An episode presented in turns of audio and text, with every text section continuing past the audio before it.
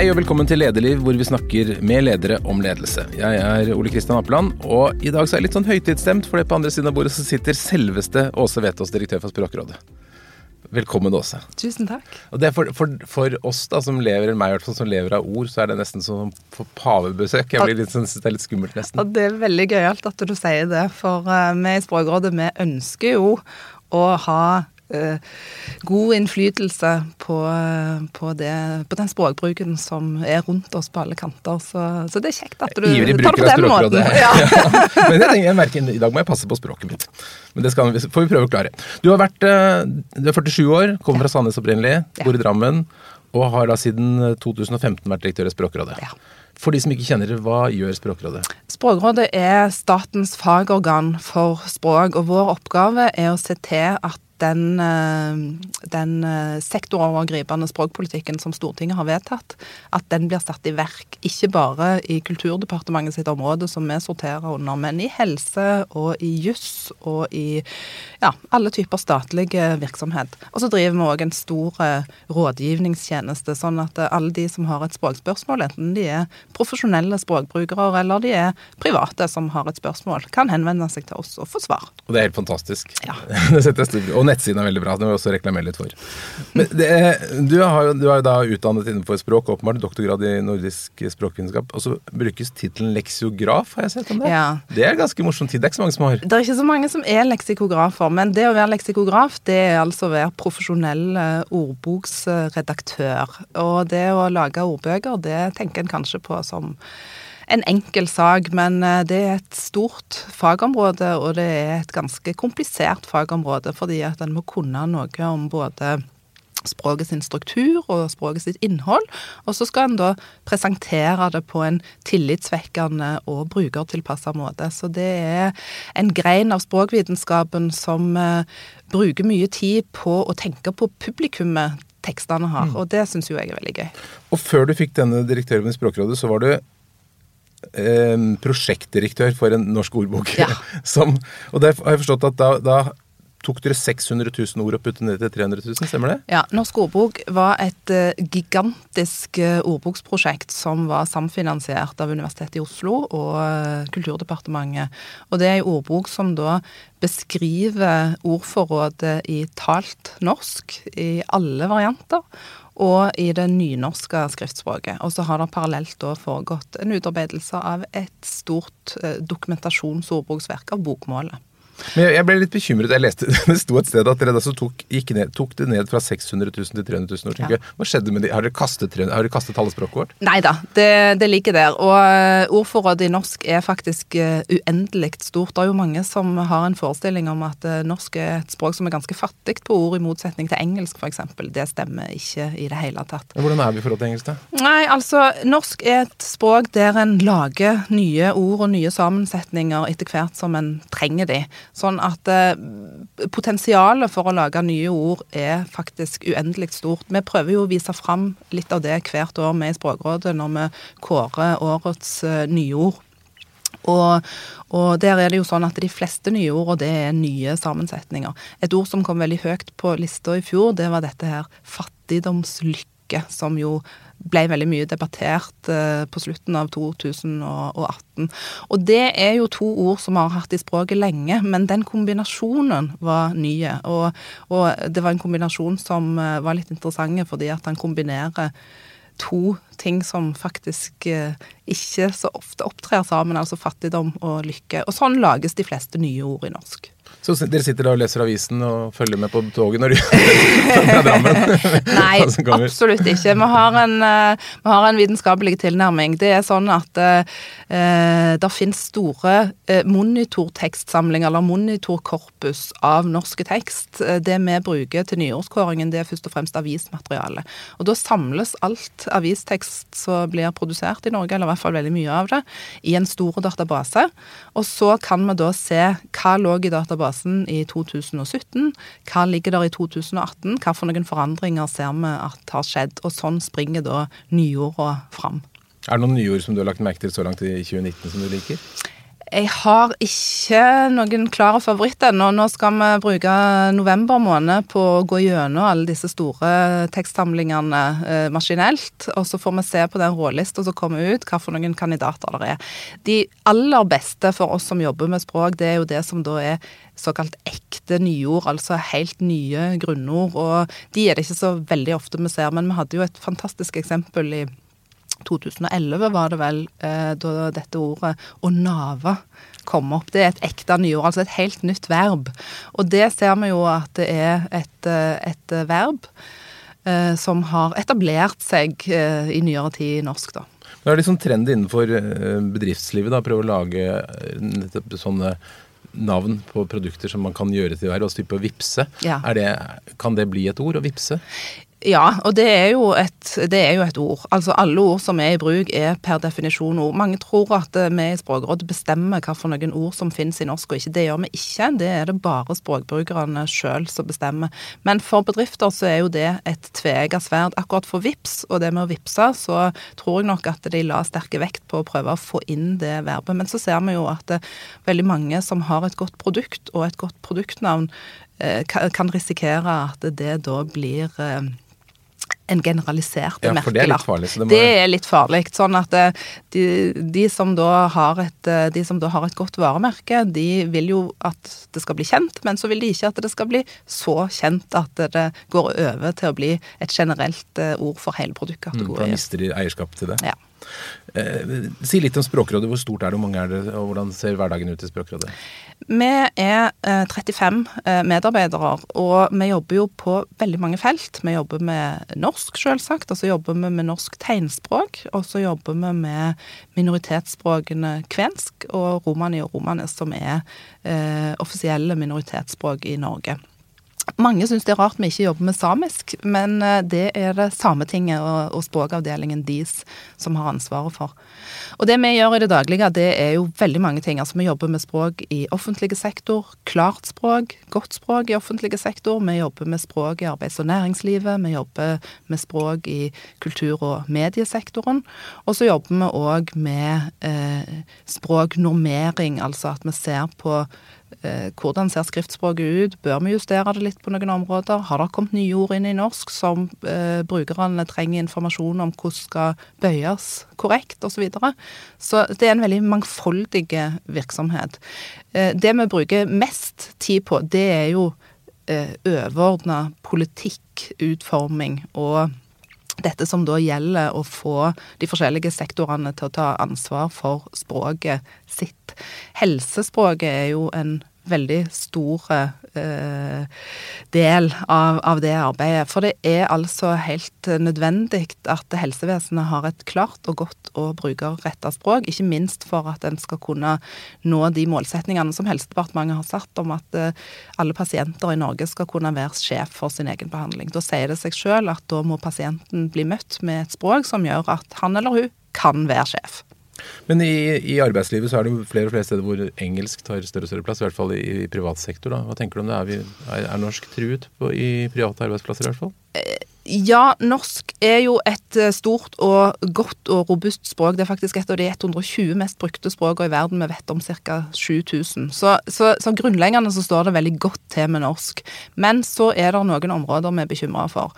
Og det er da særlig disse områdene der vi mister det norske språket vårt. Det ser vi noen tendenser til i det private næringslivet, men der må jeg si at øh, den sektoren er eh, veldig pragmatiske når det gjelder språkbruk. Så de velger stort sett det språket som er mest effektivt å bruke i kommunikasjonen, både internt og eksternt. Veldig ofte er det norsk. Den sektoren vi er aller mest bekymra for, det er universitets- og høgskolesektoren. For der er det engelskspråklige inne mer eh, programmatisk. Og, og, det er selvsagt sånn at eh, vitenskapelig ansatte som skriver eh, fagartikler, må skrive de på et språk som fagfellene andre steder i verden kan forstå. Det er ofte engelsk. Men så er det sånn at det, det engelske språket de bruker i fagartiklene, det har en tendens til å smitte over på undervisningsspråket og på pensumspråket. Og så ser vi da som et resultat at på noen viktige samfunnsområder så begynner vi å miste det norske ordforrådet vårt. Vi trenger et norsk ordforråd for å kunne diskutere de store samfunnsspørsmålene. Klima, eh, sosialøkonomi, eh, barnevern, alt mulig. Og da må universitets- og høgskolesektoren passe på det norske fagspråket til glede for seg sjøl, til glede for studentene, og til glede for det demokratiske og åpne og opplyste samfunnet. Men det man ofte merker hvis man uh, jobber med uh, folk som bruker engelsk i hverdagen, og som jeg også merker på ungdommen, som er veldig aktive på utenlandske ting på, på internett og sånn, at det er veldig mye engelsk påvirkning inn i det norske språket. Er det en tendens? At vi, at vi blir mer engelsk i det norske? Ja, og, og sånn er det egentlig med alle språk. Sånn har det egentlig vært til alle tider. At eh, når språk er i kontakt med hverandre, så låner vi av hverandre. Eh, I, i middelalderen så eh, lånte vi jo veldig mye fra eh, tysk Eh, gjennom dansk. Så ganske store deler av det norske ordforrådet er jo i utgangspunktet lånt fra tysk. Og vi har lånt masse fra andre språk. Nå sitter vi her og drikker kaffe, og kaffe er et ord vi har lånt fra arabisk. Så til forskjellige tider så har vi latt oss påvirke av forskjellige språk. Og akkurat nå Eh, så er det sånn, sånn har det vært eh, de siste 80-90 åra, at eh, den angloamerikanske kulturkretsen har, vært, har hatt veldig høy status i, i, hele Vesten, i hvert fall. Og det preger òg eh, retningen på språklige lån, sånn at vi da låner inn veldig mange ord og uttrykk fra engelsk. Og dette skaper jo masse følelser. Noen av oss blir jo oppgitt, sinte og lei oss. Og denne, et nettsted eller en Facebook-gruppe for språk er jo et, kan til tider være helt sånn enormt høyt frustrasjonsnivå og aggresjonsnivå rundt språk og endringer i språket. Hva er det som gjør at folk føler seg så utfordret eller krenket nærmest av endringer i språket? Det tror jeg handler om at eh, språket er en viktig del av identiteten vår. Og i Norge så er vi jo et annerledesland på den måten at eh, vi har veldig mange dialekter. Og det har høy status å bruke egen dialekt. Hvis vi ser på stortingspolitikerne når de holder innlegg fra Stortingets talerstol, så bruker de nesten uten unntak sin egen dialekt. Og de forventer å bli forstått med den dialekten sin. Så på alle de største offentlige, offisielle talerstolene i Norge så er det dialektbruk som gjelder, og folk identifiserer seg i veldig sterke grad med språket sitt og med dialekten sin. Og når, da, når en da ser at språket er i endring, og at det kanskje er annerledes enn det språket en lærte da en sjøl gikk på skolen, så, så, vekker det sterke følelser. For meg som språkdirektør så er det jo eh, ei lykke at det er så sterke språkinteresse i Norge. For det ville vært veldig mye tyngre å jobbe med den ambisiøse norske språkpolitikken hvis ingen var interessert i den. Men tenker du at det er, at det er helt greit? Skal, skal, skal, kidsa få lov til å søle til språket sitt med alt mulig rart? Eh, jeg tror først og fremst at det er vi voksne som må ta ansvar. Altså Nå er det sånn at eh, barn helt ned i to-treårsalderen, eh, når de skal underholde seg, så gjør de det veldig ofte på et nettbrett. Og vi vet en del om hva de gjør når de er på nettbrett. Da er de veldig mye på YouTube. Og når de er på YouTube, så ser de artige små snutter. Og veldig mange av de snuttene er på engelsk. Veldig få av de er på norsk. Og sånn lærer unger i Norge helt fra de er små av at uh, engelsk er et kult kultspråk og et språk med høy status. Og da er det ikke så rart at uh, ungene da eh, tar det i bruk eh, sjøl òg når de ønsker å framstå som, som, som Men så sier du at det har vært sånn alltid at, vi, at språkkort forandrer seg i kontakt med andre, mm. men akselererer det nå? Går det fortere? Akkurat uh, på, på, det området, altså kultur- og medietilbudet, så, så, går det nok fortere. Og der eh, har vi alle sammen en jobb å gjøre. Det er aldri farlig å lære flere språk, og jeg syns det er flott at ungene våre blir gode i både engelsk og andre fremmedspråk. Samtidig så er det sånn at vi må gi dem et godt tilbud i norsk òg. Det er ikke sånn at eh, vi i Språkrådet syns at foreldre skal forby ungene sine å se artige engelske snutter på, på YouTube, men hvis det er sånn at det, Eh, de mister f.eks. Den, eh, den norske barnekulturskatten, altså alle de norske barnesangerne, fordi at det tilbudet som ligger på YouTube bare er engelskspråklige barnesanger. Så mister vi en viktig del av kulturen vår og, og det limet som holder oss sammen som folk. Hva tenker du når du ser store norske bedrifter med stillingsannonse i den norske avisen Dagens Næringsliv på engelsk f.eks.? Ja, det tenker jeg, eller det syns jeg, for å, for å ta meg sjøl litt inn igjen. Nei, det syns jeg faktisk eh, er tegn på litt dårlige språklige selvtillit. Fordi at eh, språket vårt er eh, godt nok, og vi vet òg at eh, de aller fleste søkere på den typen stillinger er norskspråklige. Og det å da gi et signal om at engelsk er, er bedre, så det bruker vi heller i stillingsannonsene våre, det syns jeg er litt fattigslikt, rett og slett. Men dette med at engelsk er litt kulere, er det, er det en global ting, eller kan vi komme til et sted hvor folk igjen syns at norsk er litt kulere? Jeg syns jo det, men, men Ja, jeg tror at mange syns det etter hvert. Og eh, jeg tror òg at eh, den, eh, den, tendensen vi ser til at veldig mange voksne velger å skrive på sin egen dialekt når de skal uttrykke seg personlig i sosiale medier, er en slags reaksjon på det. Altså at en vender tilbake til det lokale og til det nære, og til å erklære personligheten sin gjennom et språk som, da, som en da deler med bare de som bor rett i nærheten av det en sjøl gjør, eller det språket som en vokste opp med. Men dere i Språkrådet, og du har jo blitt, fått, blitt, uh, fått, en del oppmerksomhet i forbindelse med vårt kjære togselskap uh, som byttet navn fra NSB til Vy. ja. Også sånn som uh, den høyskolen som byttet navn til Oslo OsloMet. Der har du vært ute og prøvd å snakke imot det, men hvor dere ikke har fått gjennomslag. Hva, hva føler du har Burde dere hatt litt sterkere makt i Språkrådet? Ja, altså språkpolitikken er jo helt klar på dette. At det språket som staten bruker eh, overfor borgerne, det skal være klart og tydelig, og det skal være et godt norsk språk. Og både navneendringen til Vy og denne navneendringen til Oslo Met er jo eksempler på at det ikke skjer. Så det er faktisk i strid med språkpolitikken. For meg som leder så er det et problem på en annen måte òg, for jeg ser jo at de både eh, begava og arbeidsomme og flinke medarbeiderne mine som eh, bestreber seg på å gjøre eh, gode, soli, faglig solide fagutredninger om dette, de kan, nok, de kan nok, kjenne litt på, på at det, det, knirker litt i motivasjonen når da den solide fagligheten som eh, har eh, politiske beslutninger i bånn, eh, ikke blir eh, tatt hensyn til. Jeg tror de fleste som uh, liker norsk, syns at Oslo Met f.eks. er et dårlig navn, og mange liker heller ikke Vy. Men fra et faglig ståsted, hva er feil med de navnene? Ja, Når det gjelder Vy, så er det jo sånn at uh, det er et navn som ikke sier noen ting som helst om hva den virksomheten holder på med. Og nå er det jo sånn at Vy er en, et statlig eid selskap, altså det er Samferdselsdepartementet som er generalforsamling.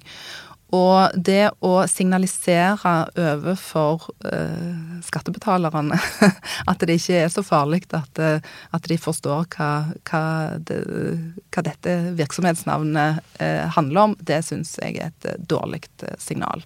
Og det var det vi òg meldte tilbake til NSB eller Vy i den navngivningsprosessen. Og de hadde jo et, et merkevarenavn som var veldig kjent i hele Norge. Og da er det grunn til å tenke seg godt om før en endrer det.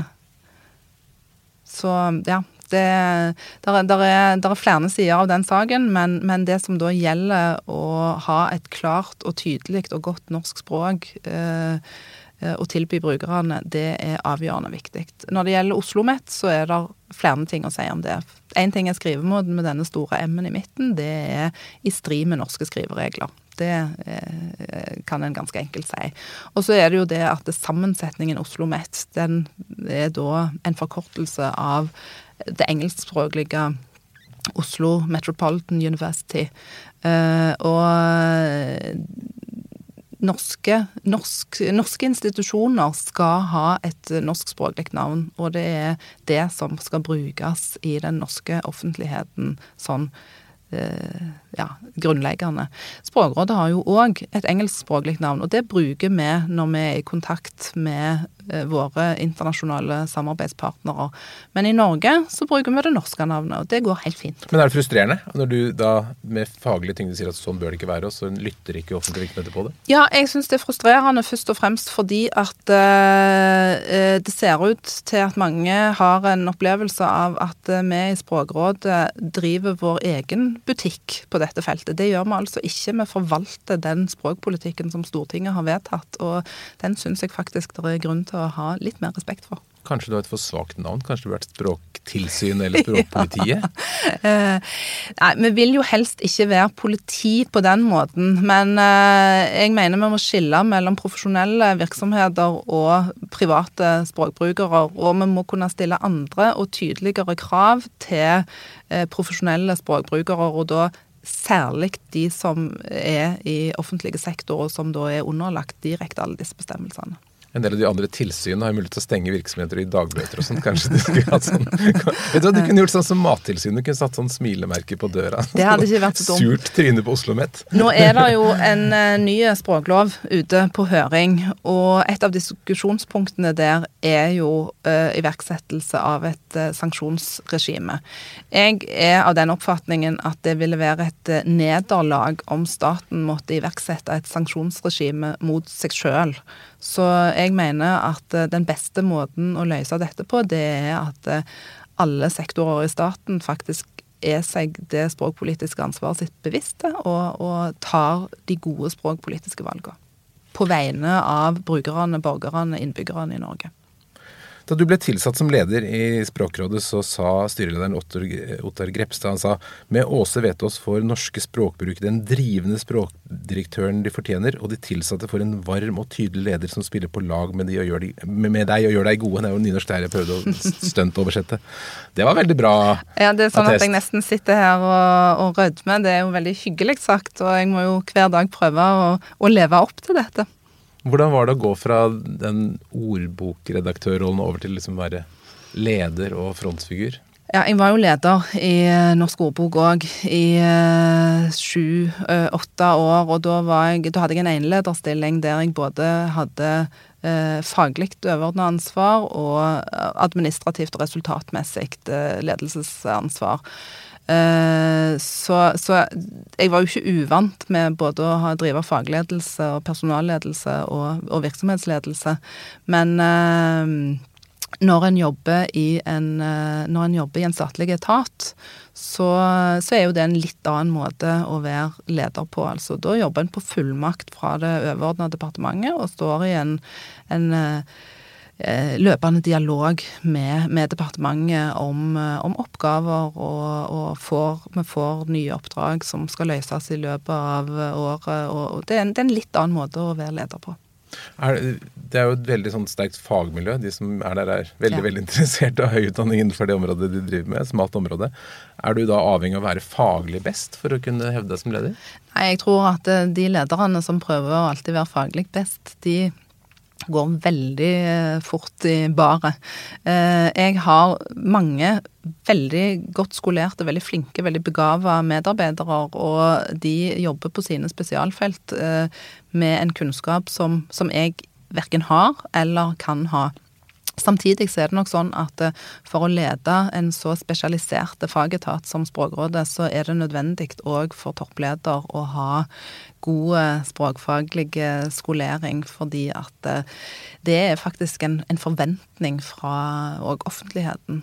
Og jeg tror det er en forutsetning for da å kunne lufte opp den fagstaben og se når skal vi ta de faglige grep, og når er det nødvendig å gjøre noen ledelsesmessige grep her, og så sy det sammen på en god måte.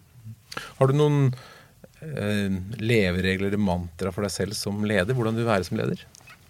Jeg ønsker jo å være en leder som er eh, tilgjengelig for medarbeiderne mine. Jeg, jeg, jeg liker jeg, jeg, er en person som elsker å være på jobben. og som liker veldig godt å ha flinke folk eh, rundt meg.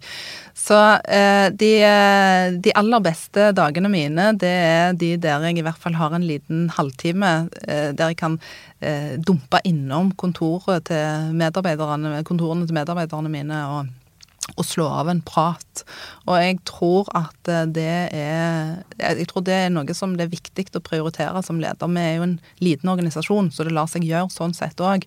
Men det å ha en nærhet til medarbeiderne sine som ikke er påtrengende, men som er hyggelige og oppmerksomme, det, det, er viktig for meg, og jeg tror at det eh, gjør eh, både arbeidet mitt og arbeidet til medarbeiderne mine enklere.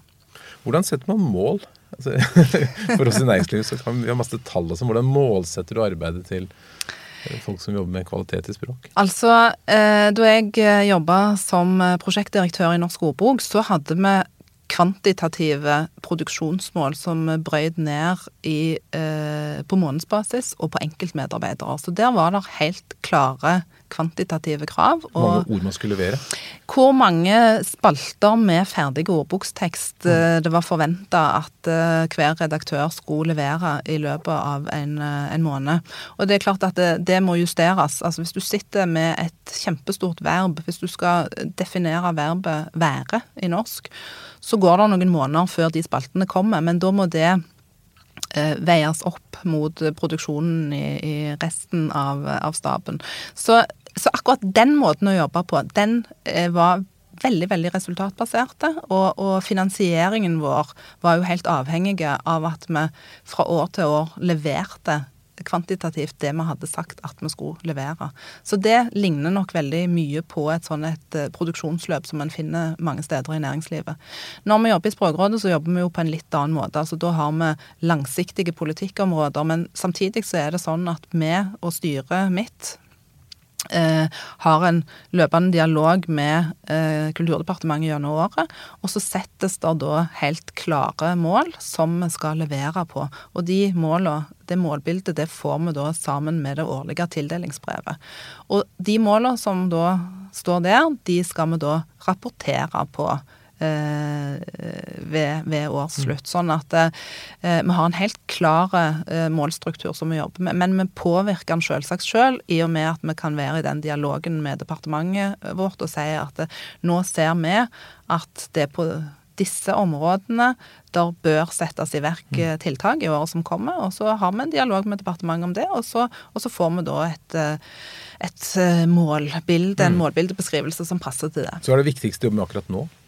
Det viktigste vi jobber med akkurat nå, det er eh, å få til eh, en god eh, parallellspråklighet i universitets- og høgskolesektoren. Altså at eh, universitetene og høgskolene jobber med både å ivareta eh, det engelske mm. og det norske samtidig. Det er et Jeg synes vi er en stor oppgave. ja, men der har vi faktisk Vi har lagd et veldig godt opplegg mm. sammen med Handelshøgskolen i Bergen. Eh, som vi nå har eh, reist rundt og gitt tilbud om til alle utdanningsinstitusjonene. Så jobber vi òg sånn at vi da arbeider både med den enkelte institusjonen, med Universitets- og høgskolerådet, med Forskningsrådet, med det direktoratet som jobber med kvalitet i utdanning, og med studentorganisasjonen. Så vi, så vi jobber på mange områder samtidig, så prøver vi å finne gode løsninger. Språk er jo det viktigste verktøyet vi som ledere har. Hva syns du om språkbruken til norske ledere? Det er et stort spørsmål. det er et stort spørsmål, og der er det nok mange som har eh, en del å gå på. Men så er det òg mange som er flinke. I denne sammenhengen så har jeg veldig lyst til å gi honnør til Finans Norge, som er bransjeorganisasjonen for eh, banker og forsikringsselskap. Eh, de kom til oss og ba om råd fordi at de hadde problemer med å kommunisere klart og godt med kundene sine om pensjon og om livsforsikring. Så de satte vi oss ned sammen med, og så eh, veiledet vi de i en, en, metode. Og så har de altså da hatt et stort prosjekt eh, som da alle har vært involvert i fra topp til bånn i organisasjonene, men det aller viktigste det er at toppledelsen har vært dypt involvert i det, og de har vært veldig interessert i det. Så det har rett og slett eh, gitt som resultat at eh, de nå i finanssektoren jobber veldig aktivt med å ha et godt og klart og kundevennlig språk. Og det, er, det lønner seg på flere måter. Det lønner seg på den måten at når de sender ut brev til kundene sine i et klart og godt språk, så får de færre henvendelser Eh, på sentralbordet dagen etterpå, eller på kundesenteret. Og det lønner seg på den måten at de framstår som mer tillitsvekkende. Og der tror jeg mange andre steder i næringslivet har mye å lære og mye å hente. Men disse nedbemanningsprosessene, endringsprosessene, hvor sjefen på en måte skal forklare hvordan dette er gjort, tror du man hadde vunnet uh, noe på å jobbe mer med språket der? Definitivt. Og jeg tror jo at uh, det alltid lønner seg å være språklig ærlige. Eh, et av, de, et av de verste eksemplene jeg har sett, det er eh, beskrivelsen å massere kostnadene brukt om å gjøre kutt. Altså det det blir så eh, rart og annerledes at det rett og slett tiltrekker seg en oppmerksomhet som en kanskje ønsket å ikke få i utgangspunktet. Så veldig ofte blir sånne litt sånn forblomma omskrivelser, de, de virker mot, sin, mot, altså mot man... sin, hensikt. ja, en, prøv, en, prøver å pakke det inn og pynte noe, mm. med noen fine ord, og så, og så blir det helt uh, feil. Et annet skrekkeksempel som uh, Eh, jeg har sett, eh, er fra et, eh, et, sykehus som kom til å beskrive ventelistekøen av pasienter som, som, biomasse. Og det er klart at det er jo faktisk veldig grovt. Altså det, da, da, da, signaliserer en et, et veldig ubehagelig menneskesyn. Så, så, jeg tror at alle som har et, en ubehagelig melding, de bør tenke veldig nøye over hvordan de kommuniserer den, og ikke prøve å gjøre det til en gladsak hvis det ikke er en gladsak. Men dette med å, pynte litt på ting, liksom fra å gå fra sykehjem til bo- og behandlingssenter, eller fra eldresenter til seniorsenter, eller fra oppsigelser til right-sizing og det andre altså, hva, hva, hva blir det sånn at man hele tiden flytter ordet foran seg? Altså, det er noe som det er noe ubehagelig ved, og så, når, så finner man et nytt ord, og så blir det litt ubehagelig ved det, så flytter man seg videre. Ja. Er, det, er, det, et vanlig språkfenomen? Det er et vanlig språkfenomen, og vi anbefaler ikke å gjøre ting på den måten. Altså, det er helt klart, En skal ikke, en skal ikke bruke ord og begreper om brukergruppene som brukergruppene sjøl ikke ønsker at blir brukt.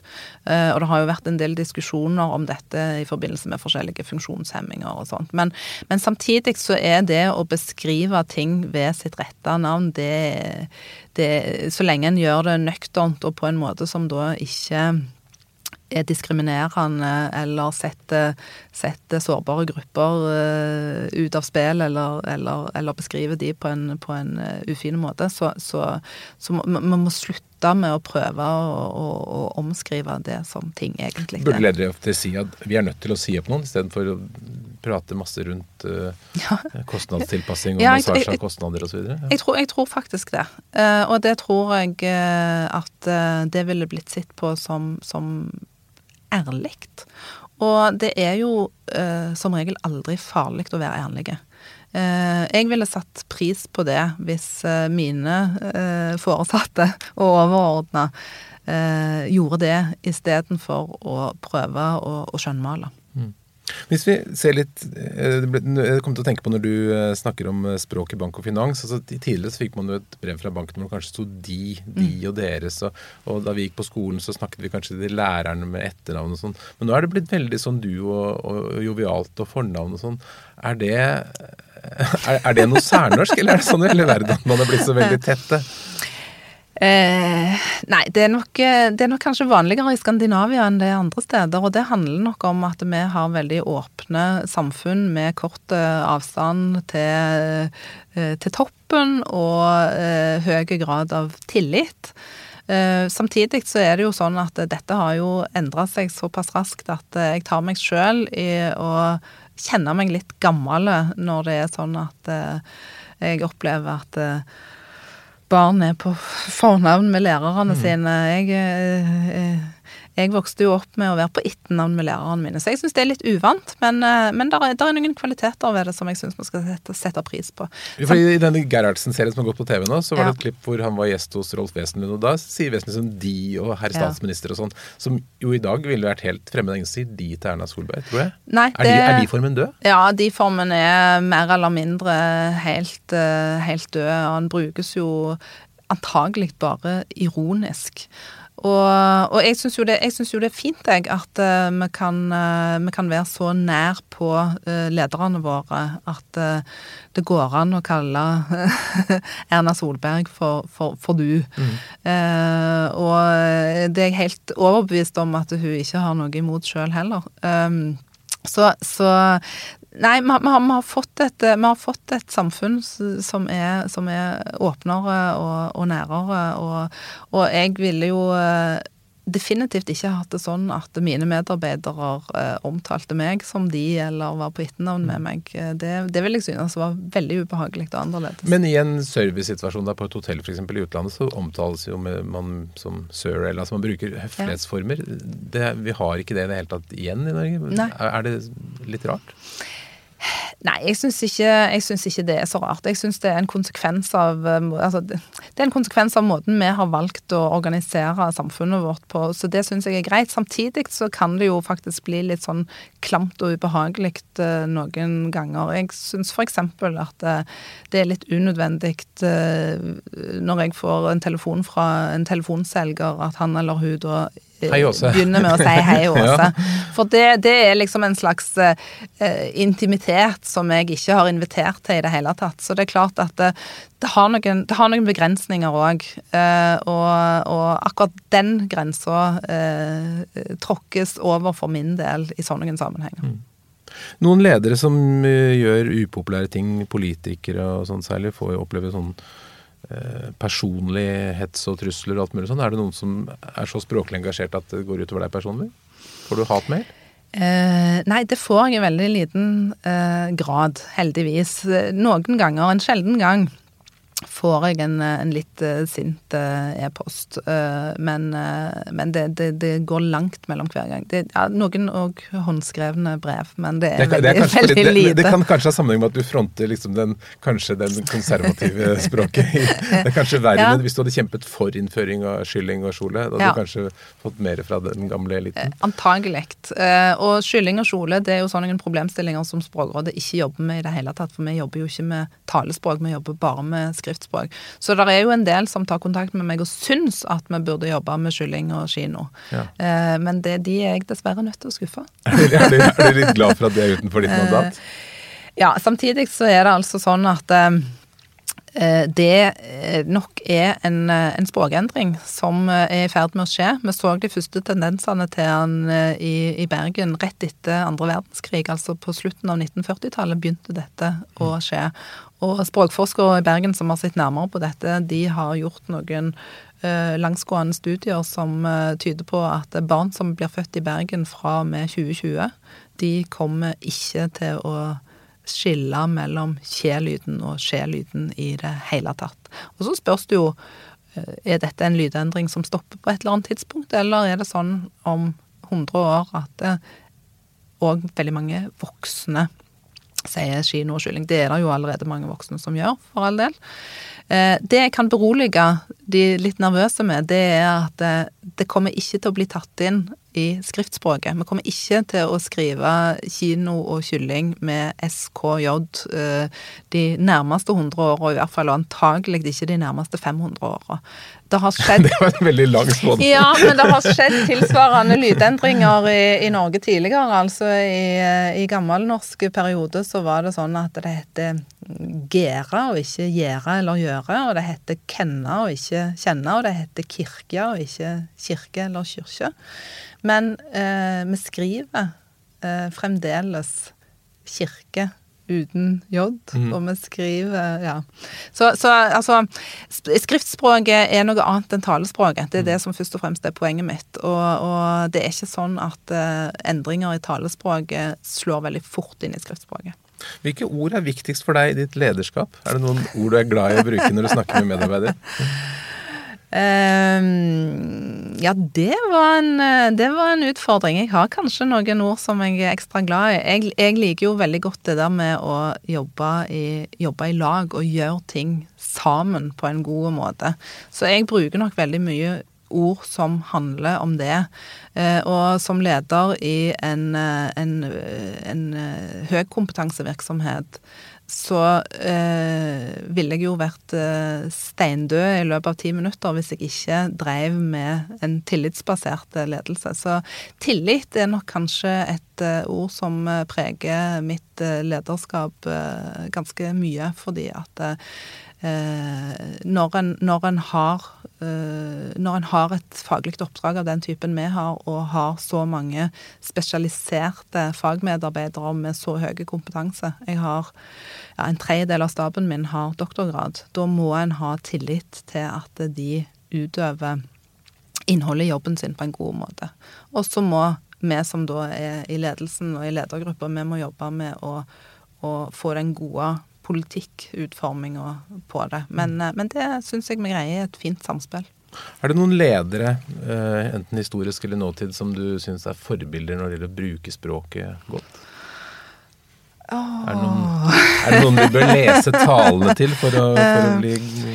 Ja, altså nå, nå dette, dette, er kanskje et veldig banalt svar, men jeg må jo si at jeg i likhet med veldig mange andre har uh, latt meg imponere av måten Barack Obama brukte språket på. Mm. Altså talene hans er jo sånn at uh, så selv om de er oversatt, selv om, selv om, de er engelsk, så hvis vi oversetter dem til norsk, så er de gode, tenker du? ja, de er gode nok på engelsk òg, mm, mm, altså. Det er ingenting i veien med at Barack Obama bruker engelsk. Nei, nei, nei. nei, det må nesten lov til. Ja. Uh, nei, altså uh, helt, helt, klart at uh, hvert ord er veid, og hver setning er meisla ut på en sånn en måte at det, det, det står som påler. Veldig, veldig gode i, i retorikk. Og det er jo de, de, de beste lederne, de er, de er gode retorikere. Mm. Noen norske bøker du anbefaler for, innenfor retorikk, eller som kan være egnet for ledere? Hmm. jeg, har jo, jeg har jo eh, retorikk som en del av, eh, en del av eh, faget mitt fra nordistikkutdannelsen. Så det jeg har lest av retorikk, er i veldig stor grad ja, nokså tunge fagbøker. Den boka jeg vil anbefale alle ledere å lese, det er ei bok som heter 'Metaphors We Live By'. Og det er ei nokså liten bok skrevet av en amerikansk professor som heter George Lakoff. Og det handler rett og slett om hvordan vi konstruerer og bygger opp språket vårt gjennom noen nokså grunnleggende bilder. Eh, vi kan ta det enkle, eh, vi kan ta noen enkle eksempler. Altså, eh, vi sier ofte at politikk henter veldig mye av ordforrådet sitt fra, fra krigens område, eller ja. krigens domene. ikke sant? Mm. Vel, det er kamp, mm. og det mm. er den typen ordbruk og metaforer som får da får det da til å se ut altså Det, det er konfliktorientert mm. i orientering. Tenk hvis vi heller hadde sagt som en grunnleggende metafor at uh, politikk er dans, og vi hadde fått metaforer som dreide seg om turtaking mm, og mm. hvem som fører, mm, og mm, hva slags trinn en tar. Altså, det er en helt annen måte å se feltet på. Og det å være bevisste på det, altså hva slags, hva slags bilder og metaforer en bygger opp omkring virksomheten sin, det tror jeg mange kunne hatt glede av å tenke litt gjennom. Hvilken metafor skulle du gjerne hatt brukt om Språkrådet? Jeg er veldig glad i den eh, grunnmetaforen som er språket demokrati og språket tilgang. Og ut ifra det så bygger, jo vi, så bygger jo jeg den praktiske argumentasjonen vår omkring hvorfor Språkrådet er viktig, og hvorfor Språkrådet fins. Og det aller viktigste for oss, det er å kunne vise fram at vi gjør en jobb på vegne av alle språkbrukerne i Norge for at de skal få sine rettigheter og interesser ivaretatt. Og da er det en, en, eh, en, en bra metafor for meg. Mm. Hvis det kommer en ung person til deg og sier 'jeg vil gjerne bli som deg Josef, bli leder', kanskje innenfor et litt sånn spisst og spennende fagfelt, hva er de tre rådene du vil gi? Eh, Først og fremst å skaffe seg en, eh, en god utdannelse i bånn. Jeg møter jo veldig mange ledere i staten i forskjellige fora og i forskjellige råd og utvalg som jeg sitter i, og vi har en forbløffende mangfoldige bakgrunn sånn studiemessig og utdannelsesmessig. Men så er det jo det med at eh, ledelse er et fag. Det er ikke noe som kommer helt av seg sjøl. Og eh, det å drive ren intuisjonsledelse, det tror jeg ikke jeg vil anbefale noen. Så det å skaffe seg god lederskolering er òg eh, mm. et råd jeg vil gi. Jeg var sjøl så heldig at jeg fikk lov å gå et helt år eh, i den eh, mentorordningen som eh, Difi, altså Direktoratet for eh, ja, hva heter de innenfor ja. ja. Det stokker seg alltid når jeg kommer dit. Det er litt krevende navn, men jeg vet hva de driver med. de driver med digitalisering og, og statlig ledelse. Eh, de hadde et mentorprogram der uh, unge ledere fikk lov til å da ha månedlige samtaler med en erfaren leder i mm. staten. Mm. Det mentorprogrammet gikk jeg på, og det var altså skreddersøm tilpassa uh, meg og mine mm. behov, og det må jeg si var et helt fantastisk år. Så det å skaffe seg en god mentor Det var to, tror jeg. Først utdanning og ja, så lederutdanning. Da har du ett råd til. Ja, og det, det, er å finne noen som en kan snakke med. Altså ha en god mentor i det daglige. For det å være leder, det kan noen ganger være litt eh, ensomt.